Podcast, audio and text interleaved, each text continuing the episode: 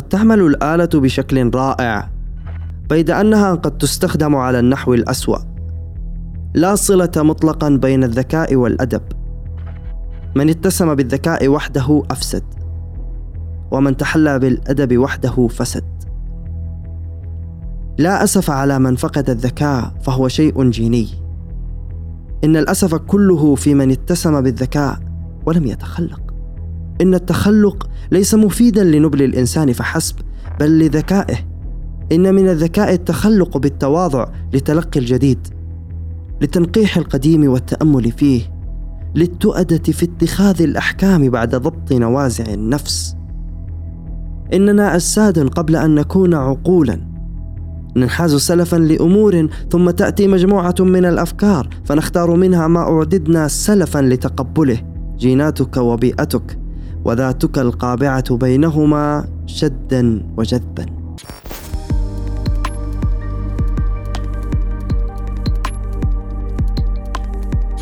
لن ينضج عقلك حتى تجادل ذاتك قبل خصمك. فإذا انتهيت من مخاصمة ذاتك حتى أقنعت نفسك نفسك بعد استنفاد كل الاعتراضات وحل كل المشكلات اعرضها على خصوم من صحبك. ليمحصوها معك ويقلبوها معك فوق نار النقد والتشكيك.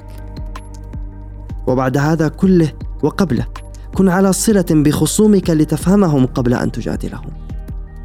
كي لا تحارب وهما في خيالك. ثم أكرم نفسك بأن تنتخب أفضل حجج خصومك وتستوعبها. وتستطيع صياغتها أفضل من صياغتهم لها كما لو أنها رأيك أنت. كما ذكر الفيلسوف الصدر. ثم تعال بعد ذلك كله بالرد عليها إن كان لديك رد. وإلا فمن إكرام عقلك الا تجنح بالرد لأجل الرد أو خشية فوات شيء ما أو نحوه. واكتب.